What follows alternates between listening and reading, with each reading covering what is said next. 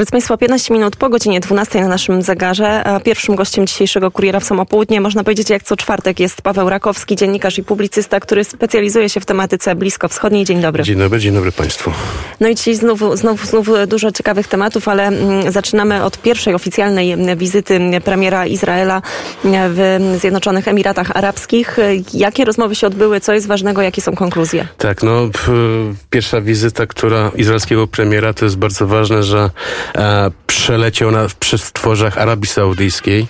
E, to znaczy, że e, no bliżej niż dalej jesteśmy do ujawnienia tych bardzo ważnych relacji. Tutaj bardzo dużo się pojawia komentarzy, że jeżeli Amerykanie nawiążą układ z Iranem, no to następnego dnia te relacje saudyjsko-izraelskie zostały ujawnione. No jako, jako pewnego rodzaju przeciwwaga do obecnego układu. Natomiast tak, pre, premier Naftali Bennett przyjechał do, wylądował w Abu Dhabi, wyściskiwał się bardzo e, miłośnie z szejkami, przede wszystkim z następcą tronu Mohamedem Ibn Ziyadem. E, no tak, to wizyta jest opóźniona, no bo ona powinna być już wcześniej, no i też przede wszystkim to Benjamin Netanyahu miał być tym e, obcałowywanym przez szejków decydentem izraelskim, no ale sytuacja jest taka, jaka jest. Bardzo pocieszne jest to, że te Abraham Accords, który był projektem no, Donalda Trumpa, one się nie załamały w ciągu tych 12 miesięcy. No, do, można powiedzieć, że Emiraty Arabskie, jak i też Izrael więcej łączy niż dzieli. E, łączy na pewno wielki biznes, e, no i też oczywiście łączy kwestia irańska. Natomiast tutaj, jeśli chodzi o kwestię irańską, jest dość dużo rozbieżności.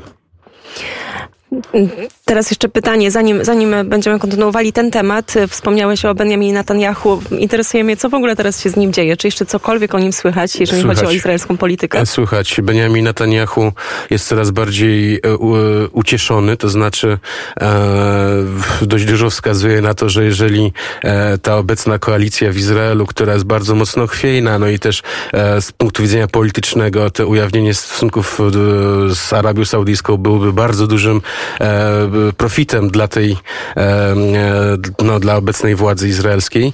Natomiast e, Benjamin Netanyahu, no cóż, no, chodzi, bruździ. O, teraz ostatnio okazało się, że Donald Trump bardzo nieprzychylnie się wypowiedział o Bibim. E, uznał go za zdrajcę, który e, tak właściwie szybko go zostawił, jak e, były ogłoszone pierwsze wyniki wyborów e, w Ameryce. No ale oczywiście tutaj nie trzeba się przyzwyczajać. Znaczy, e, Benjamin Netanyahu nie jest człowiekiem, który e, jest zbytnio e, emocjonalnym i sympatycznym, natomiast, natomiast dużo się prorokuje to, że jeszcze nie jest jego kariera skończona. Na pewno nie odwiedzi więzienia, na pewno też nie, e, nie powiedział ostatniego słowa, no bo e, tutaj jest bardzo dużo, znaczy chodzi o to, że Mansur Abbas partii Rami coraz więcej wymaga, a te wymagania z punktu widzenia izraelskiego establishmentu nie do końca mogą być spełnione. Przede wszystkim chodzi o arabski sektor e, w Izraelu i to jest coś, co e, tak właściwie może zachwiać tą koalicję i może doprowadzić do wcześniejszych wyborów. Kolejna bardzo ważna informacja. Iran opublikował mapę. Na tej mapie są zaznaczone cele i to też nie są byle jakie cele, bo cele, które znajdują się na terytorium Izraela. Tak, tutaj, tutaj akurat właśnie mówiłem o tych rozbieżnościach i tutaj to jest, to jest bardzo ważne, ponieważ e, no, od 2004 roku mówi się o rzekomej wojnie irańskiej i to jest, i to jest coś, nad czym ja się zastanawiam od wielu, wielu lat, dlaczego, dlaczego ludzie myślą, że w ogóle to jest prawdopodobne, tak? No bo to jest nieprawdopodobne. E, tutaj już widzimy nawet chociażby e, z ostatnich komentarzy, że e, no, samodzielnie Izrael nie jest w stanie przeprowadzić takiego ataku, tak? To Ehud Barak były szef wywiadu wojskowego, były dowódca Seyert Magdal, były e, premier, były minister obrony, były szef sztabu i tak dalej, wszystko były.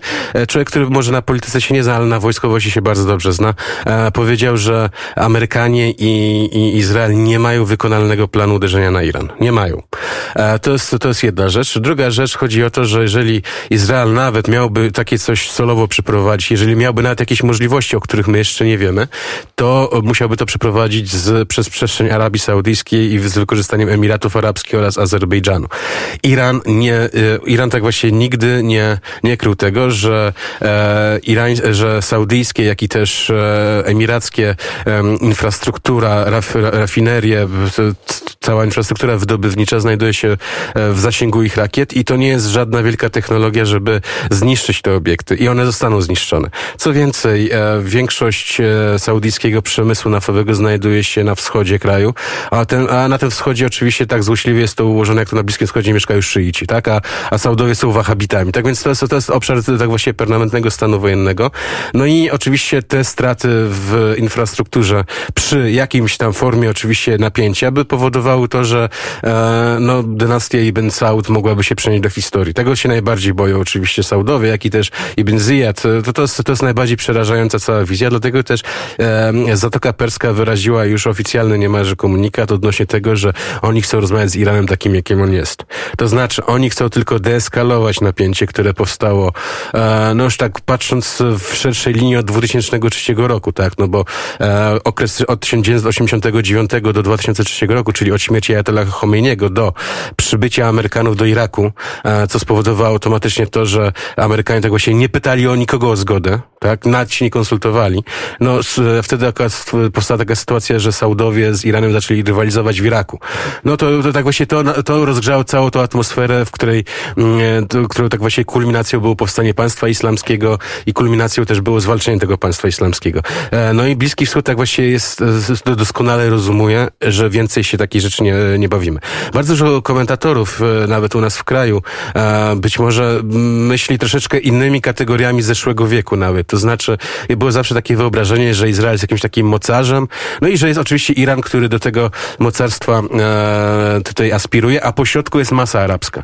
Ale proszę Państwa, nie ma czegoś takiego jak masa arabska. To są kraje, które uzyskały swoją podmiotowość, które mają bardzo dużo pieniędzy, znaczy jeśli chodzi przede wszystkim o, o Perską.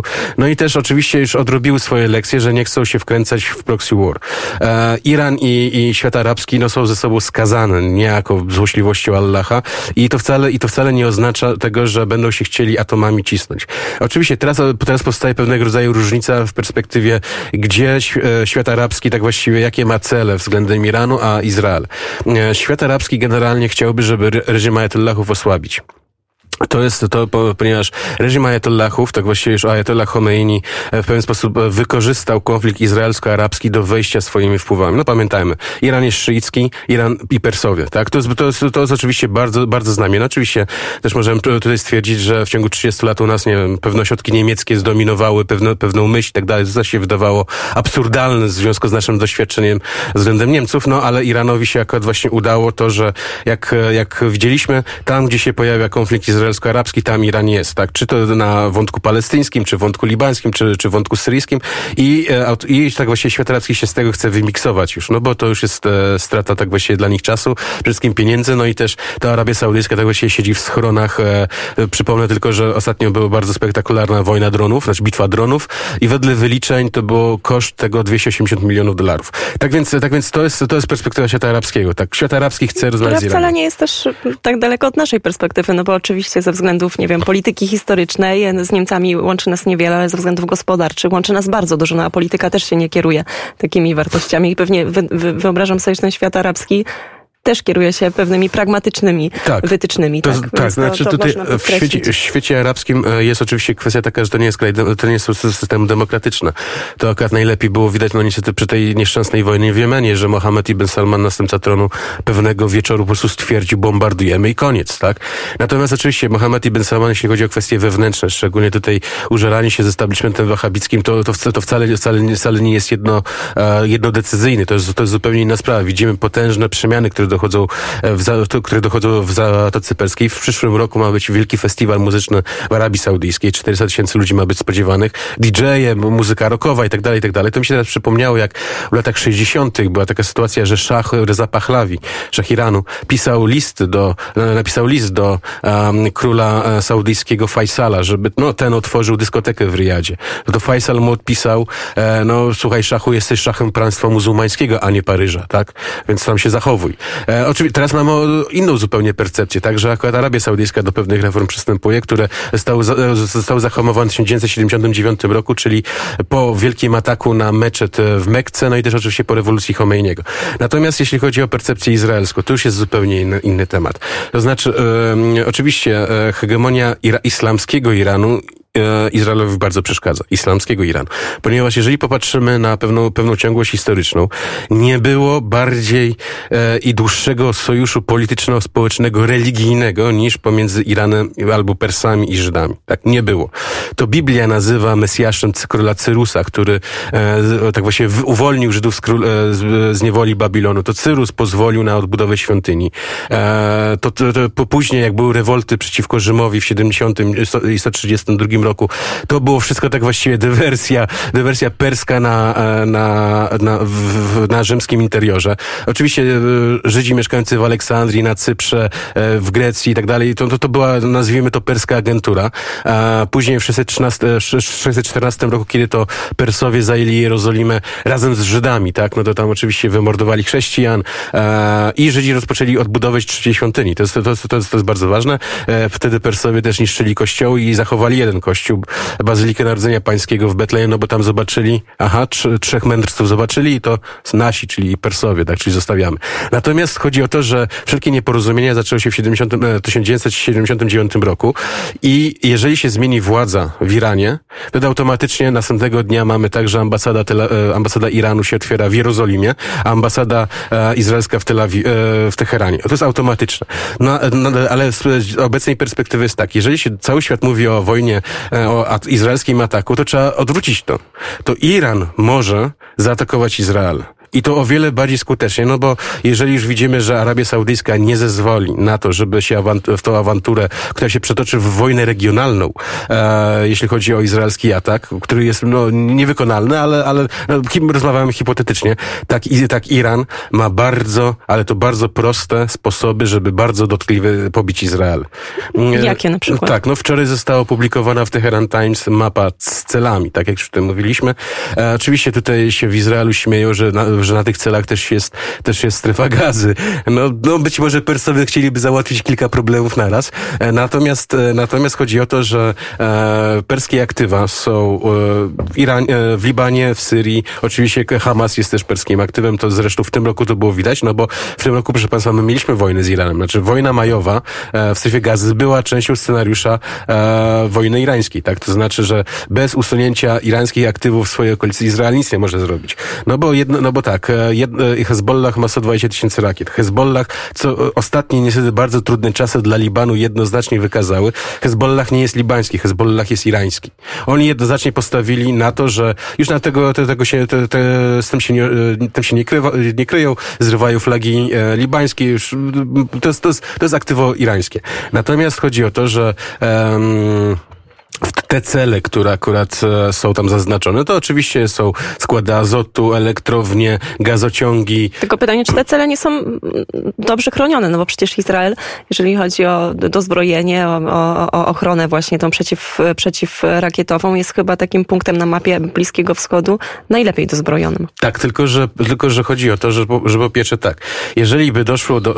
E, Hezbollah ma 120 tysięcy rakiet, tak? 10% wiemy o tym jest tą przepuszczalnością, czyli już wystarczające, żeby, żeby główną infrastruktura Izraela została uderzona. Po, poza tym, gdyby już była opcja, nazwijmy to W, czyli już bardziej większego napięcia, to już się pojawiają coraz no to nowe scenariusze, tak, od wojny elektronicznej. Wiemy o tym, o tej, tej pamiętam, jak wiosną przy, praktycznie co, co tydzień rozmawialiśmy o tym, że to elektrownia wybuchła, tu jakaś fabryka, tu lotnisko, tu coś tam, wszystko cyberataki. Iran jest do tego zdolny. Druga, jeszcze kolejna rzecz, coraz więcej się mówi o tym, że, że Iran jest w stanie zatruć e, izraelskie wody. To, to nie, to znaczy, jeśli, to, to, nie jest, to nie jest żadna ciężka rzecz, żeby jakąś tam chemikalię wrzucić do Jordanu czy, czy do jeziora, Genezeret. To wszystko Iran jest w, w stanie zrobić. Oczywiście nie swoimi rękoma, tak?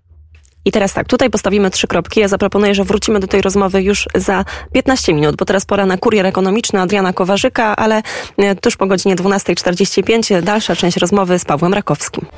47 minut po godzinie 12 na naszych zegarach. Jaśmina Nowak. Wracamy do kuriera w samopołudnie i wracamy także do rozmowy. Przypomnę tylko gościem Radia Wnet jest Paweł Rakowski, dziennikarz i publicysta, który zajmuje się Bliskim Wschodem. Witam ponownie. Witam, witam Państwa.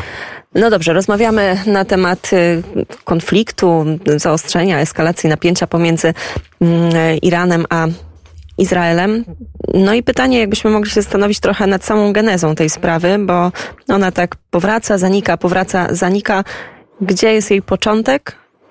I co może być dalej? To znaczy tak, początek to jest 2004 rok e, i słynne ogłoszenie Access of Evil, tak, kiedy to e, przy wielkim zdziwieniu świata wręcz i nawet i Iranu, on został umieszczony jako element właśnie tej osi zła, w którym się znalazł, a obok niego e, Korea Pół, Pół, Pół, Północna oraz e, Syria. E, przypomnę, to były czasy, kiedy to Amerykanie, e, to był no, chyba okres hegemonii absolutnej totalnej, tak właśnie bez żadnej konsultacji i bez żadnych o, większego planowania po prostu zajęli e, Irak i tam się okazały pewne fakty, które były mocno niekorzystne dla e, Amerykanów, to znaczy jeżeli współpraca e, z Irańczykami była bardzo konstruktywna, szczególnie na odcinku afgańskim, tak przy wielu różnych stratach ludzkich, które Amerykanie no, ponosili w Iraku, no wszędzie były już nawet nie odciski palców, ale odciski butów irańskich. No bo to już się rozpoczęła proces rywalizacji, no i ten proces oczywiście był e, bardzo skrzętnie wykorzystywany przez Izrael do, do, tego, żeby Iran stał się tym elementem kolejnym, w którym to wydawało się Amerykanie będą po kolei obalać różne reżimy na, e, w tej przestrzeni. Oczywiście Amerykanie ugrzęźli w tym Iraku, już nie było mowy o żadnym dalszym obalaniu, no i też przede wszystkim Iran to nie jest Irak. Iran jest znacznie większy, e, o wiele bardziej dla siebie korzystne ma położenie geograficzne, a przede wszystkim wewnętrzne, jeśli chodzi o przede wszystkim potężne góry, pustynie, przestrzenie. W Iranie jest tak, że ja pamiętam, jak e, podróżowałem po Iranie, to, to się wchodzi do autobusu o 19 i się wychodzi w kolejnym mieście o 8-9 rano, tak? Czyli, że to są potężne przestrzenie. E, no i to oczywiście utrudnia e, jakiekolwiek działania wojenne, przynajmniej na tamtą, tamte czasy i tamte możliwości. Izrael tak właściwie automatycznie, w związku z tym, że Saddam Hussein odszedł, no to musiał być jakiś inny adwersarz, pojawił się Iran jako ten główny adwersarz.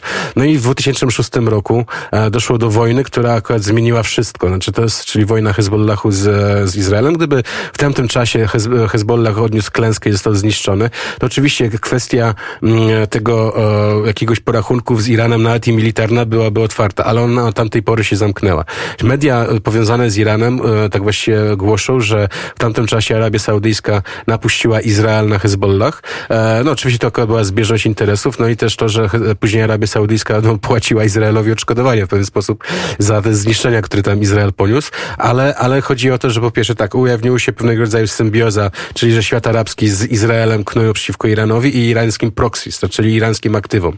E, no i to jest, to oczywiście spowodowało szersze i dalsze e, komplikacje, to znaczy Iran tak właściwie zyskiwał zwolenników, jawnych czy też niejawnych, jeśli chodzi o Bliski Wschód. Przede wszystkim chodzi o to, że Iran e, jako e, struktura, która tak właściwie no, celem było obalenie tych wszystkich monarchii, wszystkich reżimów, które, no, oczywiście poza syryjskim, tak, syryjski jest, e, to akurat był wyjątek, Syryjczyków trzeba było utrzymać, Asada trzeba było utrzymać, ale no i to akurat było tak, że to była zbieżność zarówno z wahabitami, zarówno z, e, znaczy salafitami, przepraszam, e, nie, nie, nie wahabitami, zarówno z e, opozycją jakąś tam inną, no i, no i, no i też oczywiście kwestia palestyńska tutaj była dość mocno, z, dość mocno zawsze aktywowana, no bo okazało się, że skoro świat arabski się tak właśnie odciął od Palestyny, no to Iran to wszystko poprzejmował. No i to jest akurat właśnie sekret, sekret Iranu i ich potężnych wpływów, jeśli chodzi o ten region. No i też oczywiście potężnych możliwości, oczywiście możliwości adekwatnych do realiów, to znaczy um, przede wszystkim chodzi o to, że w wyniku wojny z Syrią, w wyniku wojny, z, wojny w Syrii, jak i wojny w, z ISIS, Iran okazał się być głównym beneficjentem tego, to znaczy wszedł do Iraku, wszedł do Syrii, e, no i stworzył tak właściwie cały ten korytarz, dzięki czemu Izrael bezskutecznie od lat bombarduje różne cele w Syrii, ale też wszystko jest takie, że jeden, jeden konwój zbombarduje, a kolejne pięć gdzieś tam przejdzie bokiem. Czyli, że jeżeli Iran w 2004 roku był naprawdę bardzo daleko, jeśli chodzi o Izrael, teraz, teraz tak właściwie Izrael, no, jak, no co, co zresztą proszę sobie spojrzeć na tą mapkę Teheran Times, to jest tak właściwie, no jest przy, tak, płot, płot graniczny pomiędzy Izraelem i, i Libanem to jest płot graniczny de facto pomiędzy Izraelem i Iranem.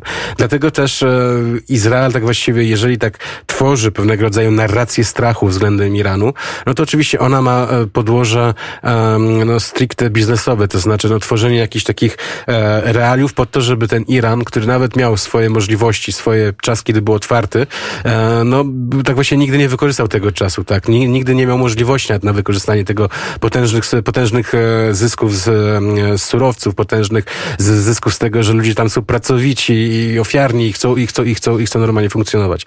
Na, no, oczywiście teraz jest inna sprawa, że Iran sam, znaczy Irańska Gwardia Rewolucyjna, czyli ta, ta struktura tego reżimu jest pasożytem na tym zdrowym or, irańskim organizmie, no ale to już jest inna historia. No i też przede wszystkim tak, no, pojawia nam się temat tej wojny irańskiej co jakiś czas, ale widzimy, że Izrael tego się no, nie ma żadnych możliwości. E, Amerykanie nie mają tam żadnych lotniskowców. Nie, ma, nie, nie słyszymy o jakichś wielkich masach wojska, bo to by było po prostu nieuniknione, jeśli chodzi o kwestie, kwestie, kwestie Iranu, no bo e, Iran ma milion osiemset tysięcy kilometrów kwadratowych. Tego nie da się jednym dronem załatwić, tak? To, to nie jest kasem Soleimani. E, no i też e, widzimy, że Amerykanie tak właściwie e, ostatnio nawet było e, doniesienie, że mimo wszystko do końca roku się wycofają z Iraku. Nie wiadomo, jak oni to zrobią, być może w ciągu jednej nocy, ale, ale, ale, ale po prostu się redukują. Tak więc, tak więc Izrael, który tak właśnie no, nie może wykorzystywać sojuszników, tak, nie może wykorzystywać przestrzeni sojuszniczej, czyli Arabii Saudyjskiej, Emiratów. Wiadomo, że Azerbejdżan tutaj jest skory do współpracy, ale nie wiadomo, jak bardzo prezydent Alijew będzie chciał, będzie chciał się narażać na potencjalny odwet, no bo przypomnę, Iran to nie jest Serbia w 1999 roku, która była bezbronna de facto, tak, nie, miał, nie mogła się obronić przed nalotami, nie mogła też wymóc jak, e, jakiejkolwiek międzynarodowej czy regionalnej konsekwencji. Iran jest w stanie e, tak właśnie e, te konsekwencje spowodować gigantyczne od, od zablokowania Zatoki Perskiej po zniszczenie lwie, lwiej część infrastruktury no, infrastruktury wydobywniczej, no to oczywiście będą już globalne konsekwencje, o których sobie ciężko, ciężko wyobrazić. I tym samym sposobem teraz tak, jeżeli bilans sił, przy,